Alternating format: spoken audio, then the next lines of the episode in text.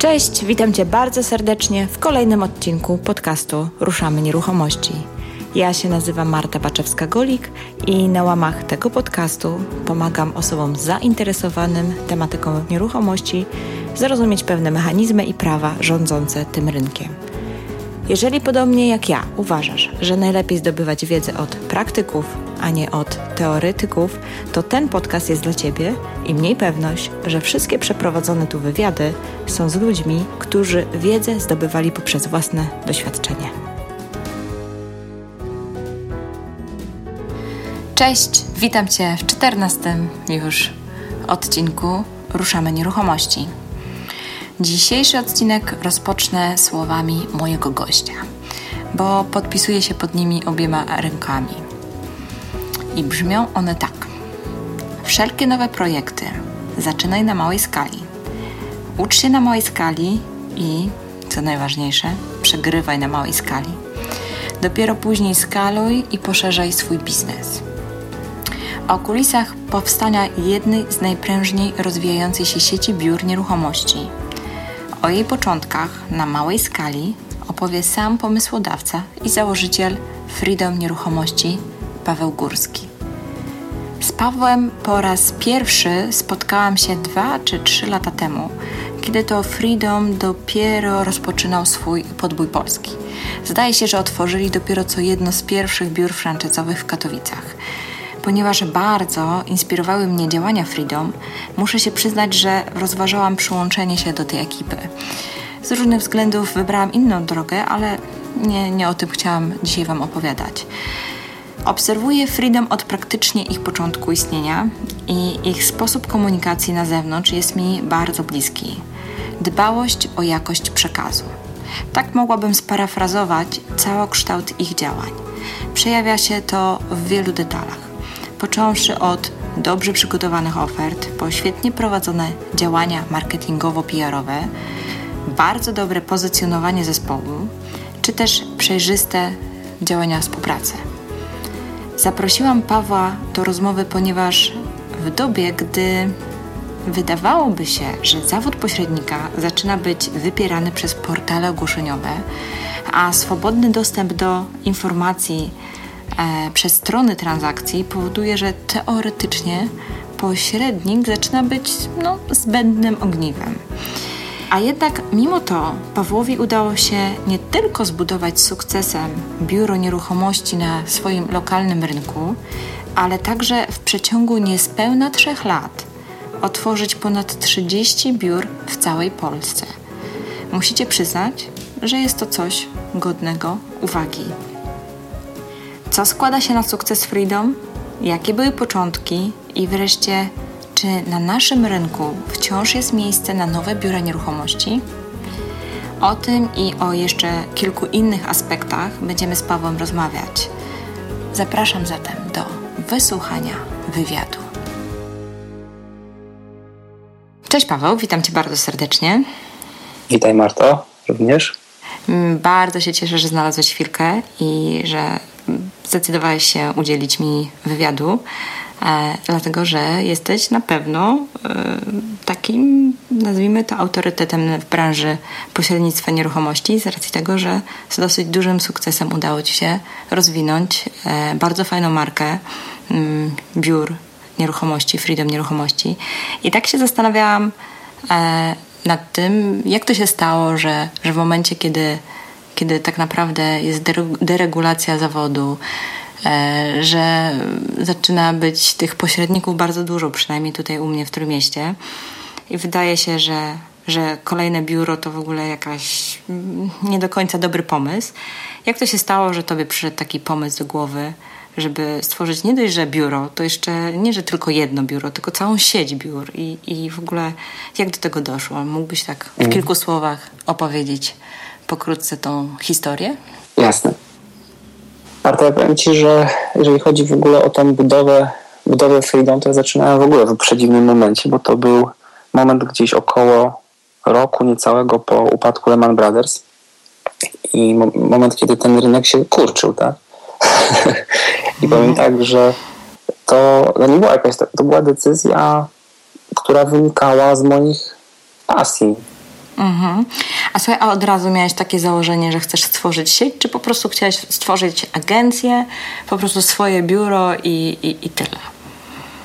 Powiem Ci tak, że jak zaczynałem, to mm, marzyło mi się, żeby to była sieć, aczkolwiek to nie było wiesz takie na zasadzie, to było tak e, wypowiedziane gdzieś tam w myślach bardzo, e, powiedziałbym, z dużą pokorą i mm, nie stawiane jako jakiś taki cel, do którego zmierzam, tylko bardziej to logo, ta nazwa ma ewentualnie, jeżeli mi się uda, dać możliwość e, skalowania biznesu. Ale czy tak się stanie, to ja w dniu otwarcia w ogóle nie wiedziałem. Bardziej myśl, postrzegałem to w ten sposób, że jeżeli mi się uda w Olsztynie, to wtedy, jeżeli będzie taki namacalny dowód tego sukcesu, to zaczniemy przygotowywać ofertę franczyzową. Więc sobie podzieliłem ten biznes na dwa etapy i najpierw się skoncentrowałem na pierwszym. Jak poczułem, że ten pierwszy przeszedłem, to zaczęliśmy wspólnie tutaj z, ze wspólnikami działać, żeby, żeby rozpocząć ten drugi, tak? Mhm. Chciałem jeszcze tylko na chwilę wrócić do tego, bo tak powiedziałem krótko, że to się wzięło z pasji, tak? I jest kilka takich rzeczy w życiu, które e, po prostu robiłem wcześniej i które mi się przez ten biznes nieruchomościowy jakby spajają w tym momencie, bo e, powiem Ci, że kiedy miałem, miałem taki moment w życiu, że chodziłem na kółko fotograficzne i nawet udało mi się jakieś tam nagrody zdobyć w tym zakresie. No proszę, te, tego nie wiedziałam o tobie. To trzeba tak. się spotkać na mamach podcastu, żeby takie rzeczy wyszły, no ale słucham, słucham. To powiem tak, no zapraszam Cię, możesz wejść na, wpisać w Google Port L, taki elbląski serwis i Paweł Górski i znajdziesz moje zdjęcie, które wygrało konkurs. Na pewno Cię zadziwi. Dla wszystkich zainteresowanych zamieścimy ten link pod podcastem. tak, w ramach tak, ciekawostki. Tak więc powiem szczerze, jedno to fotografia i też y, moje takie zainteresowania biznesowe, zainteresowania inwestowaniem w nieruchomości jak również powiem Ci, że mm, jakby moje, moje studia zwieńczyła praca magisterska na temat umowy franchisingu, tak? Mhm. Więc, więc powiem szczerze, że ten biznes wynik z kilku takich moich pasji i zainteresowań, które świetnie, świetnie właśnie w tym, tej branży nieruchomościowej udało się, uda, uda, udało się połączyć. Jasne. Bo słuchaj, bo ty z wykształcenia jesteś prawnikiem, dobrze kojarzę? Dokładnie. dokładnie. Dobrze pamiętam. Czyli, czyli tak naprawdę e, a, a pr pracowałeś kiedyś normalnie jako prawnik gdzieś w jakiejś kancelarii, czy, czy raczej od razu e, pro, prowadziłeś swój biznes? Wiesz co, ja nie pracowałem w kancelarii, nie licząc jakichś praktyk studenckich. Mhm. Mm, już na czwartym roku studiów e, zacząłem pracę. Zacząłem pracę jako przedstawiciel handlowy. Sprzedawałem oprogramowanie prawnicze. To też jakieś też nie było takie przypadkowe. Stwierdziłem, że zanim, zanim otworzę własny biznes, to chcę się nauczyć sprzedawać. I to był mój taki cel i faktycznie po dwóch latach udało, tam, udało mi się zostać jednym z lepszych y, przedstawicieli handlowych w skali, w skali Polski i powoli, powoli zacząłem myśleć nad, nad własnym biznesem, więc powiem tak, że te studia ja nie poszedłem od, z, z takich pobudek zainteresowań biznesowych. Nigdy nie myślałem, że zostanę radcą prawnym, adwokatem czy jeżeli nie będę wykonywać innego zawodu prawniczego, a koncentrowałem się na nich, na takich właśnie zainteresowaniach typowo biznesowych. Tak więc praca magisterska była w katedrze prawa gospodarczego. Rozumiem. Tak, tak to wszystko Wiesz, się potoczyło. Zdradzę Ci taką tajemnicę moją, że dzisiaj jakbym miała drugi raz wybierać studia, to prawdopodobnie też byłoby to prawo, natomiast nie dlatego, że chciałabym być prawnikiem tak po prostu mam takie przekonanie, że to jest chyba najbardziej praktyczny zawód, który później, znaczy zawód, najbardziej praktyczne studia, które później się przydają faktycznie w prowadzeniu e, własnej firmy, biznesu. Tak, tak jest moje przekonanie. Ale to tak na marginesie. Mhm. E, słuchaj, a powiedz mi, wróćmy do początków, e, czyli, czyli co? Dziś w pewnym momencie mm, jesteś ty, zdobywasz już jakiś, nazwijmy to, sukces w tej firmie jako przedstawiciel handlowy i w którym momencie przychodzi pomysł z biurem nieruchomości? Pracowałeś wcześniej w jakimś biurze albo miałeś doświadczenie? Mhm. E, powiem w ten sposób, że już po dwóch latach, jak tam pracowałem jako przedstawiciel, podjąłem studia podyplomowe z pośrednictwa w obrocie nieruchomościami I szukałem pracy w innym biurze. Tak się stało, że no słuchaj, no nikt mnie nie zatrudnił. Co za pech. Co za pech. Mhm. Ale to myślę, że trochę jest związane z tym, że to, że miałem chyba w tym CV wpisane, że jestem na studiach z pośrednictwa w obrocie nieruchomościami, to wcale mi nie pomagało zostanie zrekrutowanym. Tak teraz sobie myślę, bo potem miałem przyjemność rozmawiać z kilkoma właścicielami tych biurek już, jak już byłem w branży i faktycznie gdzieś sami mi się przyznali, że no, nie chcieli zatrudnić nikogo, kto ewentualnie otworzy swoje biuro, kto będzie miał licencję pośrednika, więc no tak, bo to jeszcze tak. były te czasy, kiedy trzeba było mieć licencję. Mhm. Jasne. Mhm. Powiem, powiem, to była też taka ciekawa historia, bo byłem na tych studiach podyplomowych, już chciałem w ogóle otwierać jakiś własny biznes. Z jednej strony czekałem na to, jeszcze zostało mi około pół roku do, do ich końca, plus jeszcze licencja, zanim jakby te wszystkie sprawy administracyjne to pewnie by jeszcze rok minął. No i też tak się złożyło, że z koleżanką z tych studiów podyplomowych poszliśmy w przerwie obiadowej na pizzę i ona mi mówi, że ona już zatrudniła pośrednika, ona otworzyła biuro, już sprzedaje, już działa. I tak sobie myślę, to ja też tak mogę. tak więc bardzo mnie zmotywowała i też e, w tym kierunku przestałem czekać, przestałem szukać jakiegoś innego przejściowego pomysłu na biznes i przystąpiłem od razu do działania. Założyłem biuro, jeszcze nawet nie mając zatrudnionego pośrednika. Oczywiście zaczęliśmy działalność, ten pośrednik już był. Marta Szczepkowska, która jest teraz e, moim wspólnikiem. E, tak więc takie były początki. Jak, jak to się w ogóle stało, że... I od razu to był Freedom? Tak, Czy... tak. tak. od razu. Super. Super. A czemu, a czemu Olsztyn? Bo ty chyba nie jesteś z Olsztyna, prawda? Wiesz co, ja mieszkam pod Olsztynem 40 e, km od Wastrudzie. Można tu mówić lokalnie, że taka sypialnia Olsztyna i Olsztyn. Olsztyn. No, Olsztyn to już jest miasto, w którym mieszka około 160 tysięcy mieszkańców. W Ostrudzie mieszka tych mieszkańców 30 parę tysięcy. Taka decyzja biznesowa, że jeżeli otworzyć biuro jednak na większym rynku, z większym potencjałem, gdzie można zbudować mm, duży zespół, Jasne. Tym, tym, się, tym się kierowałem, tak? Jasne, jasne. Słuchaj, a powiedz mi, e, jak, jak wy sobie, bo tak już przejdźmy troszkę dalej, bo już to tak była odrobina historii e, twojej e, z początkami Freedom.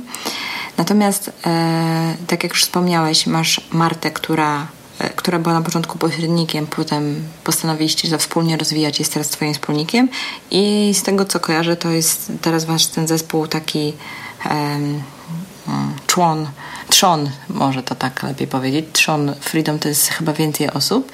Mhm. Natomiast powiedz mi, czy to ewoluowało wraz z rozwojem firmy, czy, czy po prostu od razu jakaś taka większa ekipa się was zebrała i stwierdziliście, że będziecie rozwijać?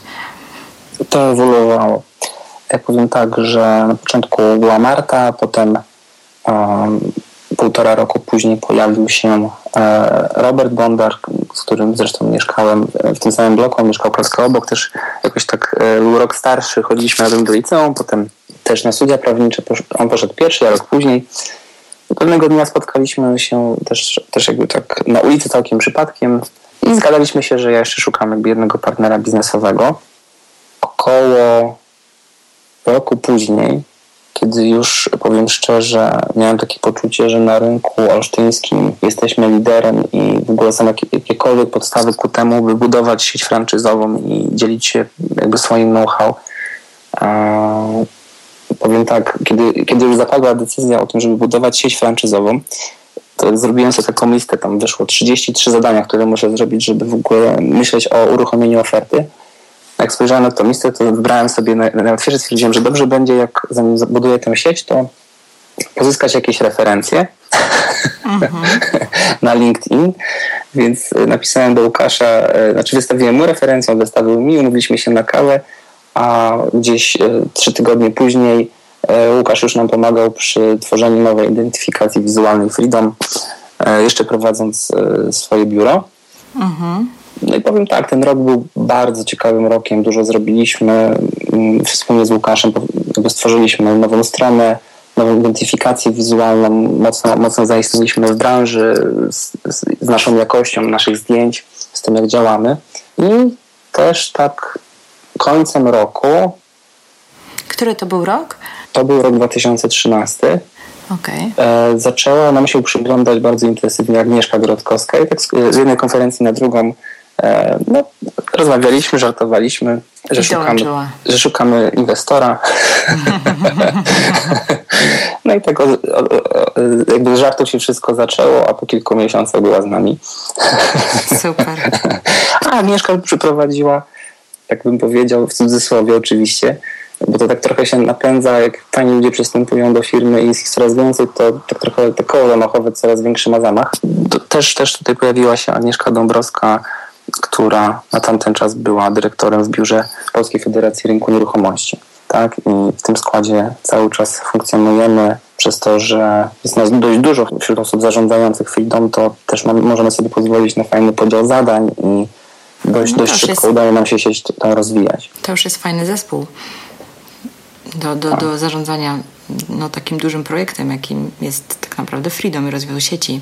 A powiedz mi, ile czasu Wam zajęło, e, bo, bo dzisiaj ile macie obecnie biur e, franczyzowych? franczyzowych i własnych łącznie jest 36, w tym, w tym na, na tą chwilę cztery biura są w organizacji, tak bym powiedział, czyli 32 działające. Okej, okay. i w jakim okresie czasu Wam się udało to osiągnąć? Trzy lata. Trzy lata. No to Trzy. fajnie. To niedużo w sumie. Dobrze tak mówię, to jest 2014, 15, 16. Trzy lata będą w październiku. Super. No to fajnie, naprawdę. Słuchaj, e, Paweł, a powiedz mi, jak wy sobie radzicie z konkurencją? Bo e, tak już trochę wychodząc z tej historii, domyślam się, że macie sporą, spore doświadczenie i co, i co najciekawsze jest, ja nie wiem na ile wy faktycznie, znaczy na ile ty jesteś zorientowany w tych poszczególnych rynkach. Nie wiem, czy ty odwiedzasz każde biuro, które nowe powstaje, jak to wygląda technicznie. To może tak e, po kolei, bo pytasz, jak my sobie radzimy Nie, z tą... Z, konkurencją, bo, bo, moje pytanie dąży do tego, żeby zapytać czy to jest, mm, czy każdy rynek się, mam na myśli rejon, tak, miasto, mhm. region, czymś konkretnym charakteryzuje, czy są jakieś takie, wiesz, wspólne rzeczy, e, które występują zawsze i wszędzie i po prostu macie na to jakiś patent, nie? Dlatego tak się pytam, czy ty odwiedzasz te biura. Mhm. Do tego dążyłam w mhm. moim pytaniu. Rozumiem. To postaram się jakoś uporządkować te wszystkie pytania i intuicyjnie odpowiedzieć w najlepszej kolejności. Dobra. Powiem tak, że a, jakby często słyszę, że jakby tutaj, że nasz rynek jest specyficzny od pośredników i, i są jakieś takie niuanse, które czemuś przeszkadzają, w, czym, w czymś pomagają i nie da się pewnych doświadczeń przełożyć. To powiem tak, na pewno są jakieś niuanse, tak? Ale tak całkowicie upraszczają rzeczywistość, bo myślę, że ci, którzy ją upraszczają, to najdalej zachodzą, najmniej sobie komplikują życie, to ten biznes mm, polega na, na byciu trzech podstawowych umiejętności. Takich, jedno to jest umiejętność, mm, akurat w naszym przypadku, y, pozyskiwania ofert na wyłączność. I jest jakiś schemat, który funkcjonuje wszędzie.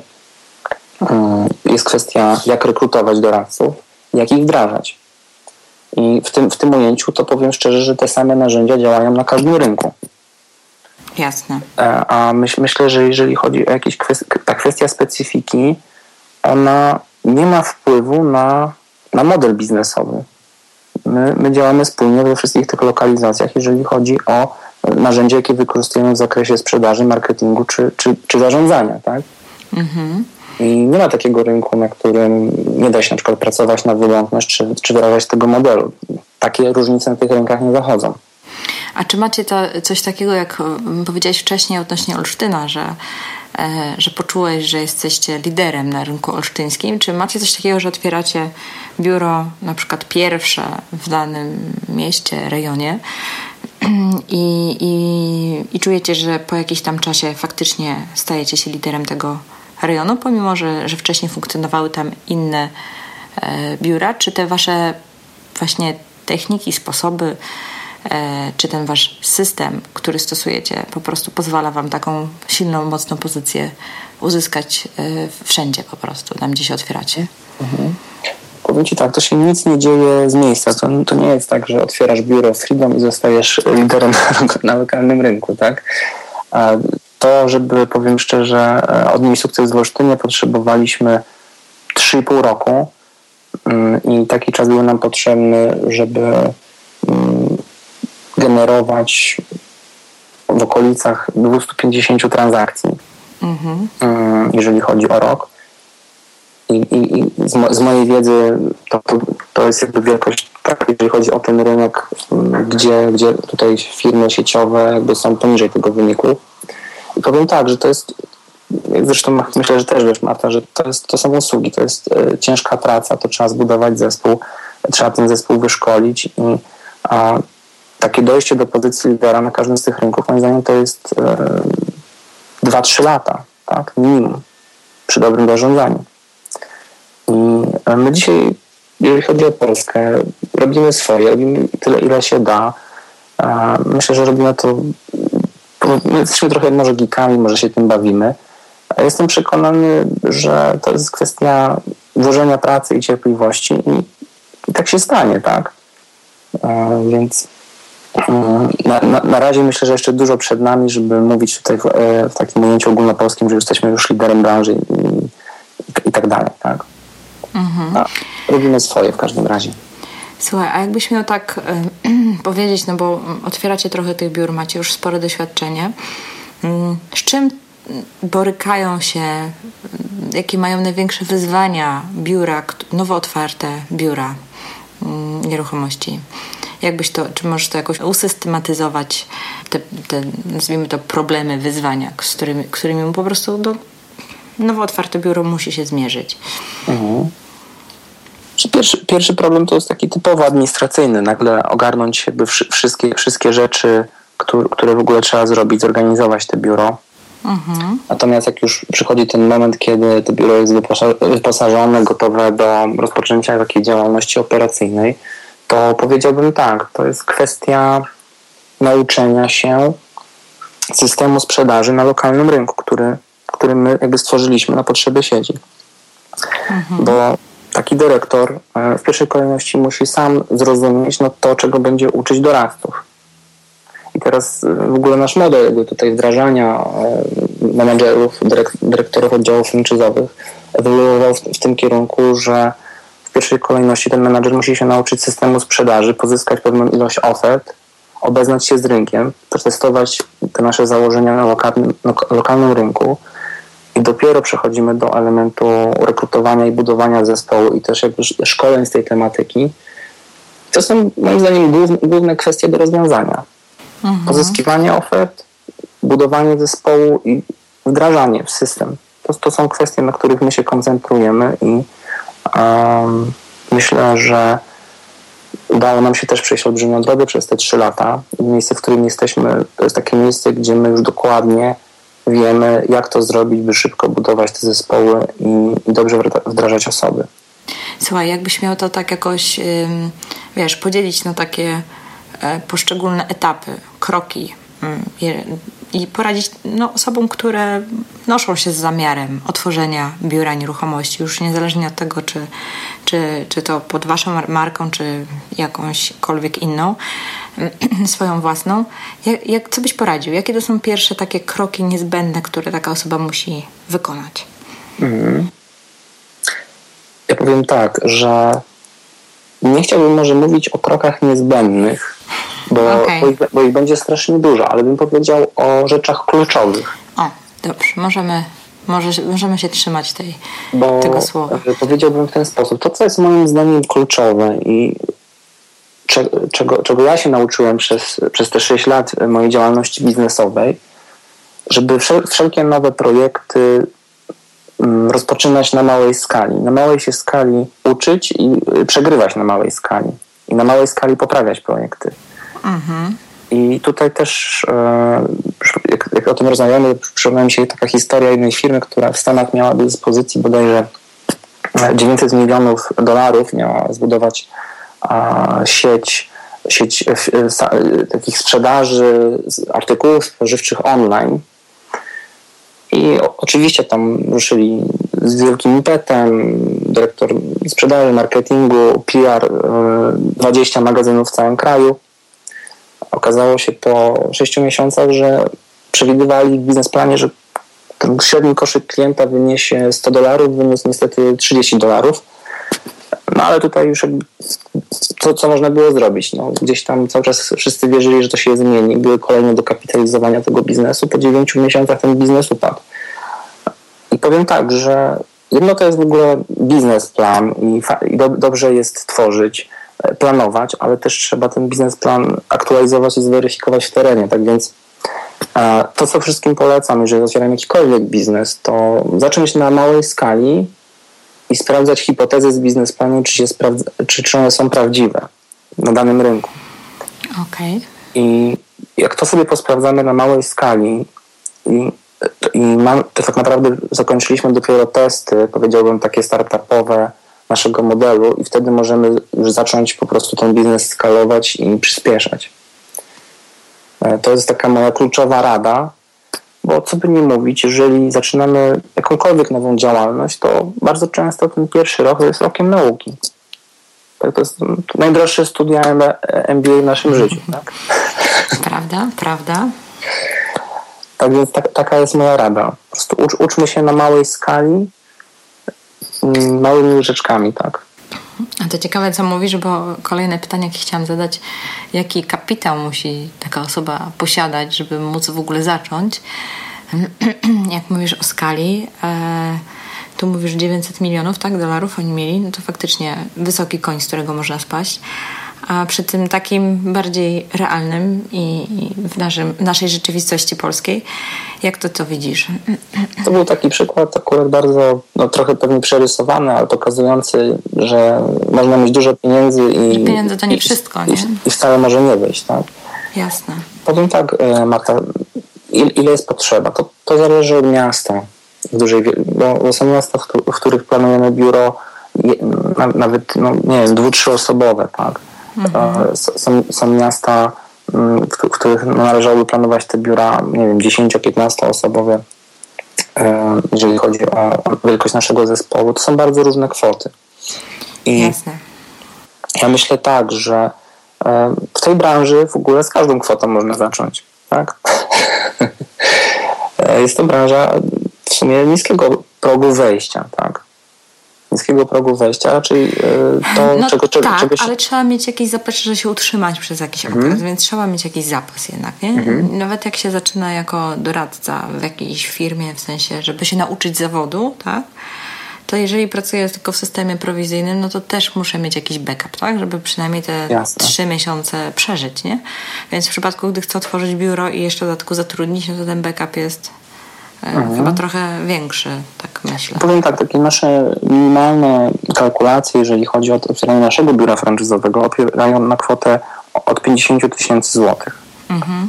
I ta kwota, powiem szczerze, ma zabezpieczyć również e, nasze koszty, koszty stałe na okres około 9 miesięcy.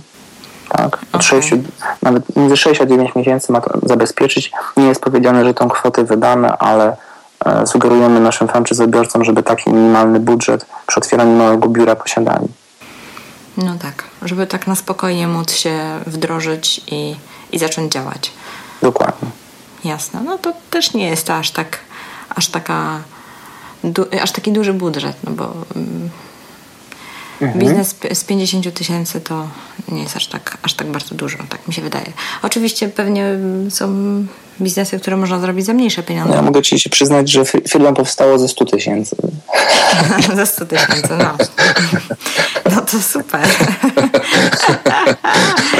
to tak naprawdę no, wielu os wiele osób ma szansę stworzyć freedom, jednym słowem. Znaczy w cudzysłowie, takie coś jak freedom. A powiedz a mi... Idąc jeszcze dalej, to w ogóle od zera zaczynałem. Słuchaj, e, bo tak sobie w ogóle ostatnio uświadomiłam, że tak naprawdę sieci na polskim rynku, jeżeli chodzi o branżę nieruchomości, jest niewiele. Bo takich dużych firm franczyzowych, no to właściwie co my tu mamy? Remaxa, mamy Metro House oczywiście, tak. Emerson. Północ Nieruchomości. Północ Nieruchomości. WGN. WG. WGN. Też WGN, tak. WGN. Mhm. Niebawem będziemy mieli chyba Keller Williams w Polsce. O proszę, to nawet nie wiedziałam. To ty bardziej śledzisz ten rynek niż ja. Tak, mamy swój zwiat. Jasne.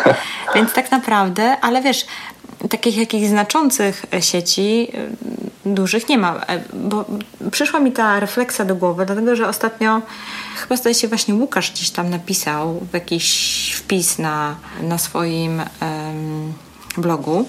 Mhm. Gdzie skwitował kwestię, że małe biura się zamykają, Hmm, czekaj, jak to było? Że, znaczy, jakoś tak parafrazuję już to. Budzi się dużym zaufaniem.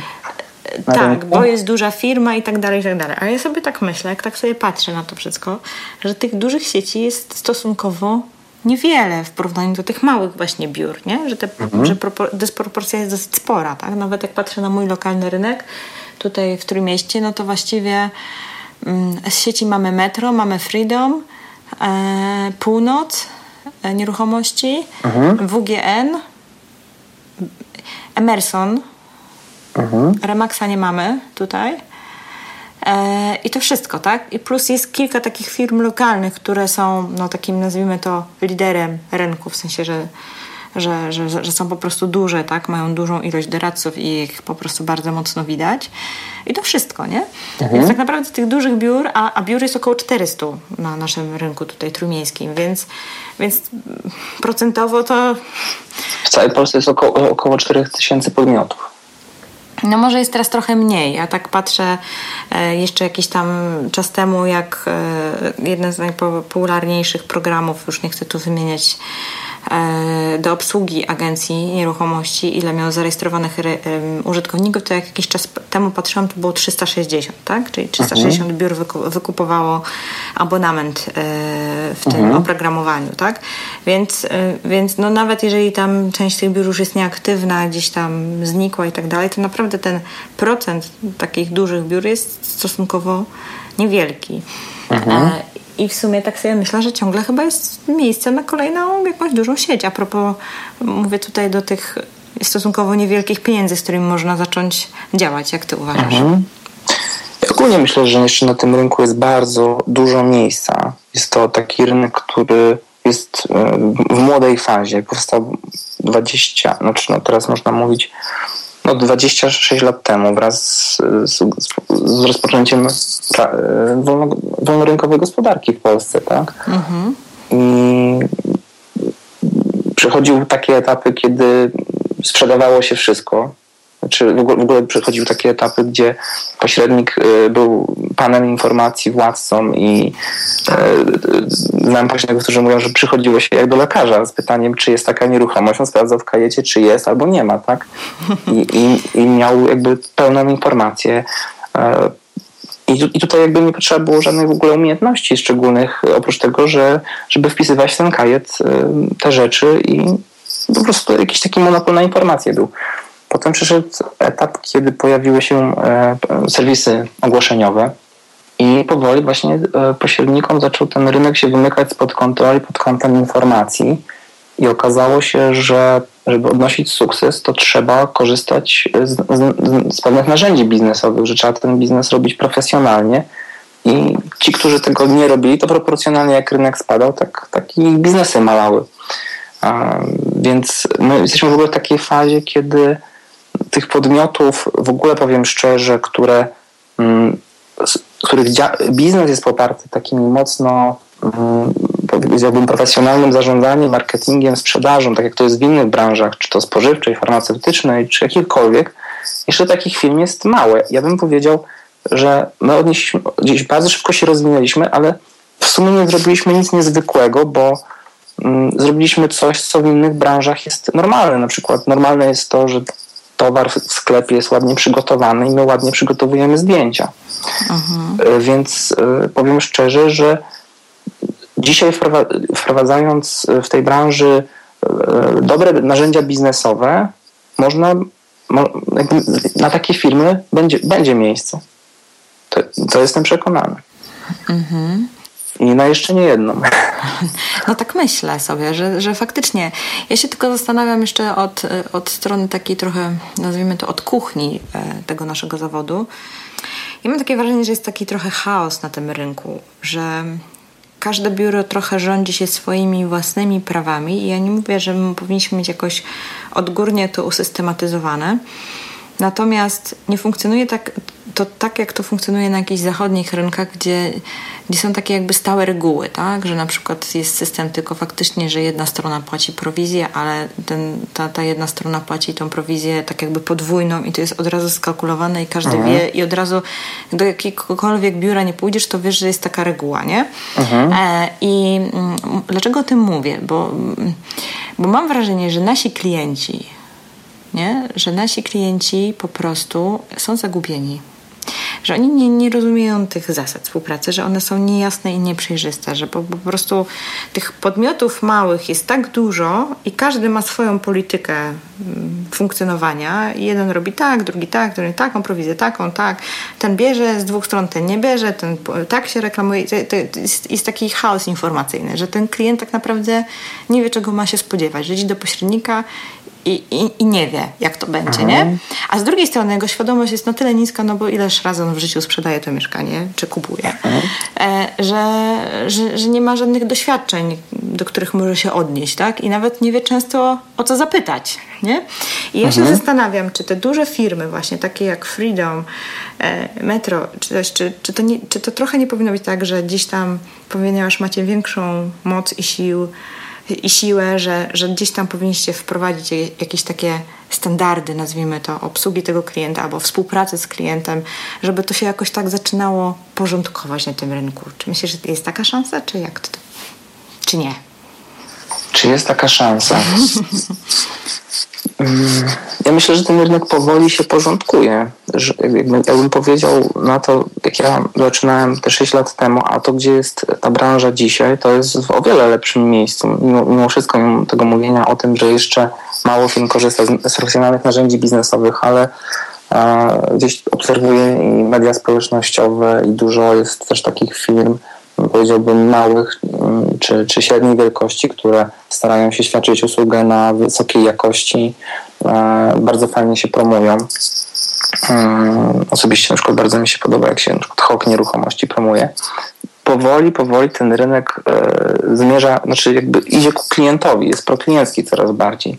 Osobiście nie widzę takiej potrzeby, żeby musiało być wszystko mm, idealnie. E, jeżeli on idzie tylko w takim kierunku, że, że jakby zaczynamy świadczyć coraz wyższą usługę, podnosimy standardy, dzięki temu też podnosi się wizerunek samego zawodu pośrednika, to jest ok, bo mm, jakby tutaj wydaje mi się, że e, ta różnorodność też jest w jakiś sposób piękna i, i ja jestem w ogóle trochę za, za, za, za wolnym rynkiem i niech będą firmy, które działają na umowach otwartych, na wyłączność, Mhm. I, I, każdy jak sobie jakiś model biznesowy wybierze, tak jak e, tak, ale, w innych branżach. Ale pamiętam ten taki moment, kiedy u nas na, na rynku e, była taka firma Partnerzy Nieruchomości i oni weszli e, w jakąś fuzję z Metro House.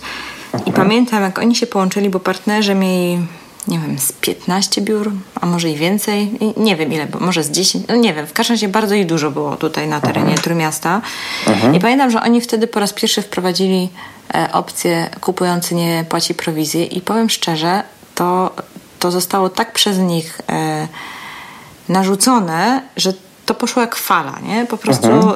rynek został e, zalany tą informacją i pomimo, że tam no, różne były oburzenia różnych pośredników, ale mimo wszystko to, że tak powiem, na tyle się mocno e, wgryzło w rynek, że po dzień dzisiejszy funkcjonuje. Czyli jednak ta, ta siła tych takich wielkich, dużych mhm. firm jest dosyć mocna, bo, bo to tak naprawdę w ogóle przeobraziło sposób funkcjonowania. Tak? Bo ja pamiętam, jak się e, pracowało do momentu, kiedy właśnie partnerzy nie wprowadzili tej zasady i jak się pracuje teraz, nie? Więc mhm. różnica jest ogromna, więc gdzieś tam no macie to, to przełożenie na, na, na, na rynek w takich silnych grupach małych?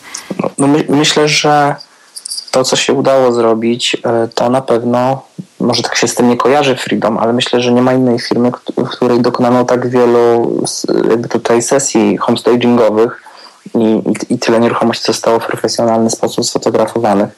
I powiem tak, że ja obserwuję, że na rynkach, na których, znaczy już nie mówiąc w ogóle, że w Olsztynie w ogóle są bardzo wysokiej jakości oferty, myślę, że po części to jest też nasza zasługa, że na rynki, na które wchodzimy, no inne firmy również próbują tą jakość poprawiać. Ja mam też takie wrażenie, że zresztą ja Was też kojarzę właśnie z dobrych zdjęć i z ładnych ofert. Mhm. Takie, takie, tak jak sobie myślę, dobre zdjęcia, ładne oferty, to myślę sobie o Freedom, nie?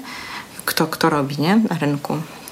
Także jak najbardziej. To jest coś bardzo pozytywnego, co, co wnieśliście, bo dzięki temu inni próbują Wam dorównać. I myśl, myślę, że tutaj w tym, w tym wymiarze y, mam takie poczucie, że jakąś tam cegiełkę w poprawę branży włożyliśmy tak, w tym zakresie. E, no i wszystkie, wszystkie jakieś działania Łukasza, e, jego blog i, i też pisanie o pewnych standardach od strony marketingowej. Myśl, myślę, że ta branża cały czas się zmienia i nawet jak co roku się jeździ na rekont, no, na, na konferencję, to ja mam, ja mam poczucie, że to, to wszystko idzie w dobrym kierunku. Może to idzie e, wolno, może tak, nie jest aż tak widoczne, ale jak się może tak przejrzeć to latami, to naprawdę miejsce, w którym jesteśmy, a 5 lat temu, to są już całkiem dwa inne miejsca w tej branży. To prawda. To prawda. Ja sama e, byłam po raz pierwszy na Rekampie w tym roku. E, I, I, byłam zdumiona, no, mm, nie tyle ilością, bo oczywiście mam, mam świadomość, że tych biur w całej Polsce jest, jest trochę. Natomiast e, byłam zdumiona mm, jakością jakością tych osób, w sensie nie osób, może źle się wysłowiłam, ale byłam zdumiona, jak, jak osoby, które przyjechały reprezentujące różne biura, szukają informacji po to, żeby podnosić jakość swoich usług mhm. i faktycznie doszukują się tego i, i na korytarzach było słychać mnóstwo naprawdę bardzo ciekawych dyskusji.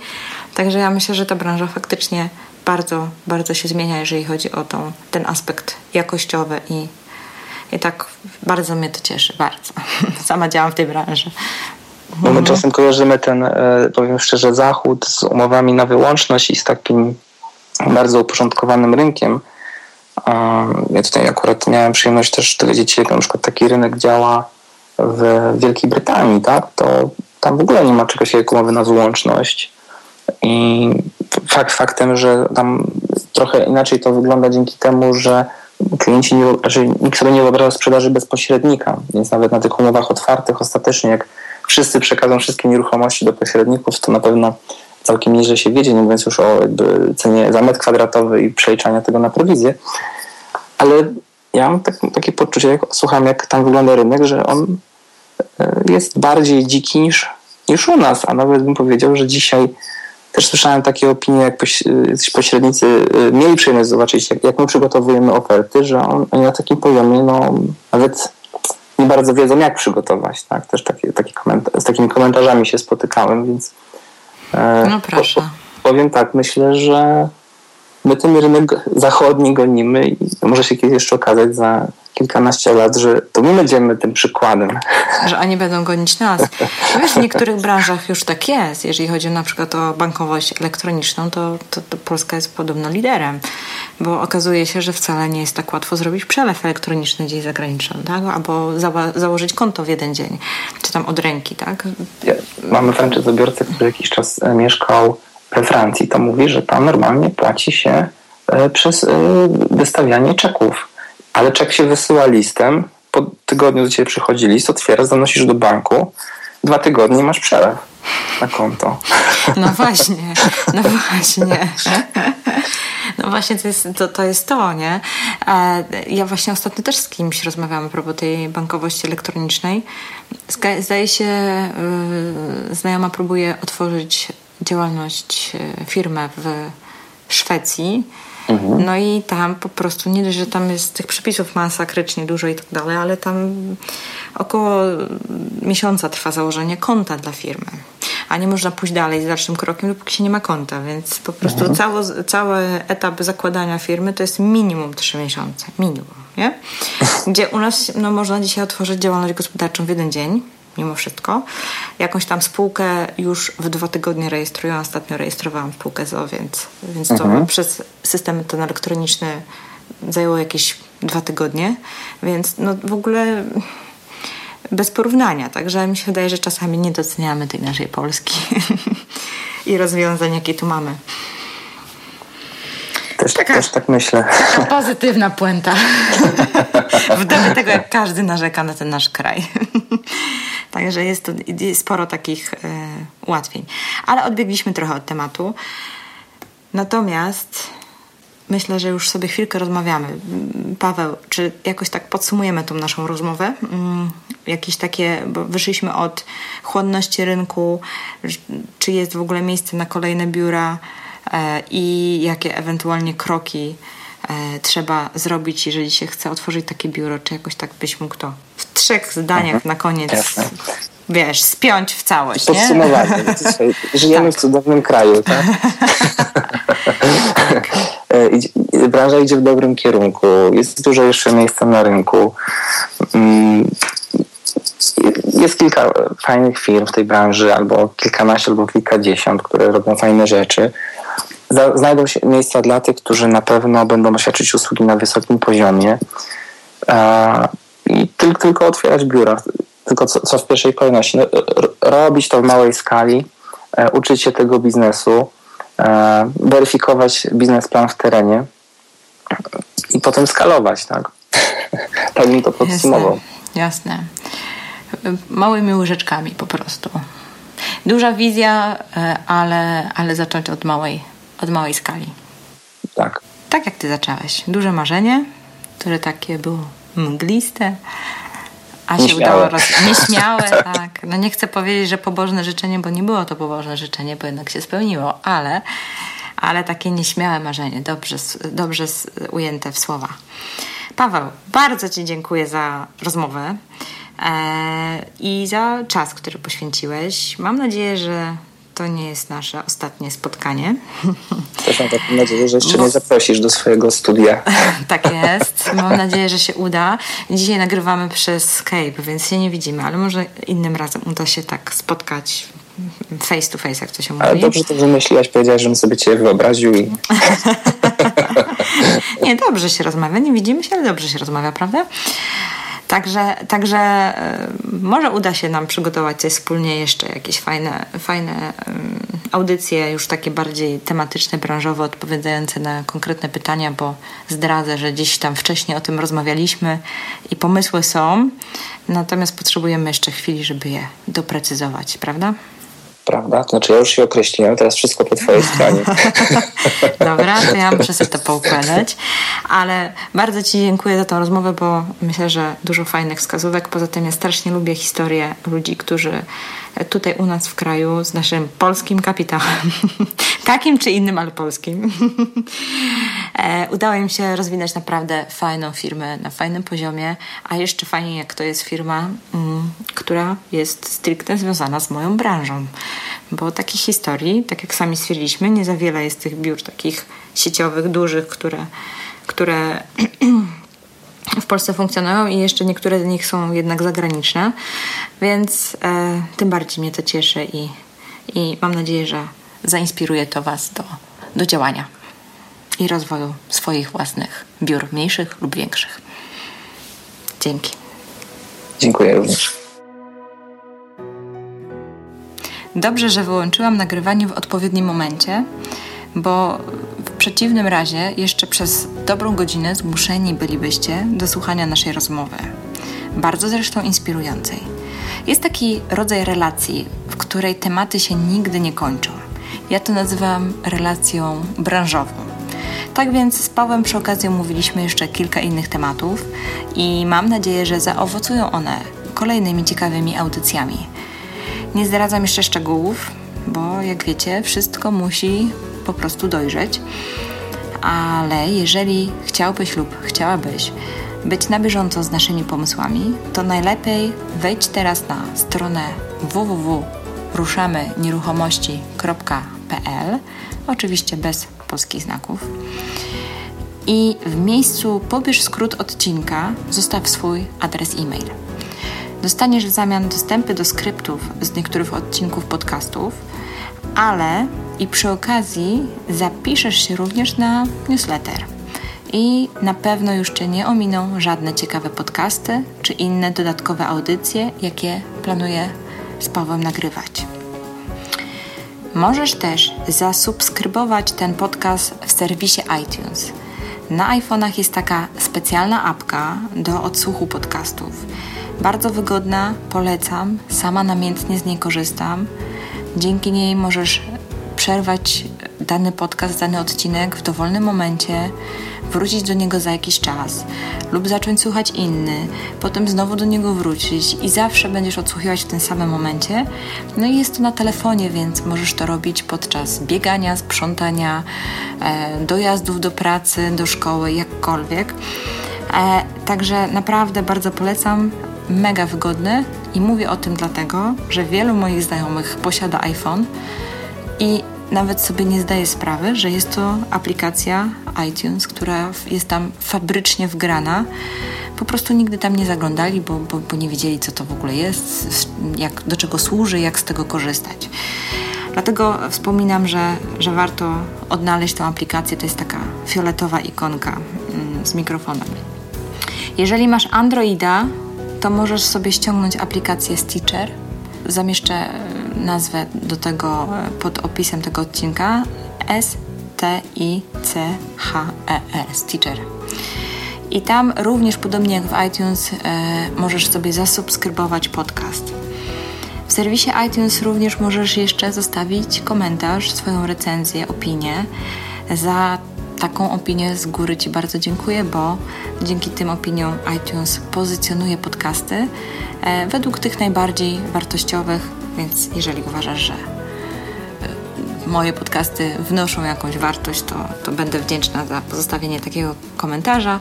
Dzięki temu inni będą mogli się też dowiedzieć o istnieniu Ruszamy Nieruchomości. Natomiast jest prawdopodobne, że niektóre już bardziej takie branżowe odcinki będą dostępne tylko dla osób zapisanych na listę mailingową.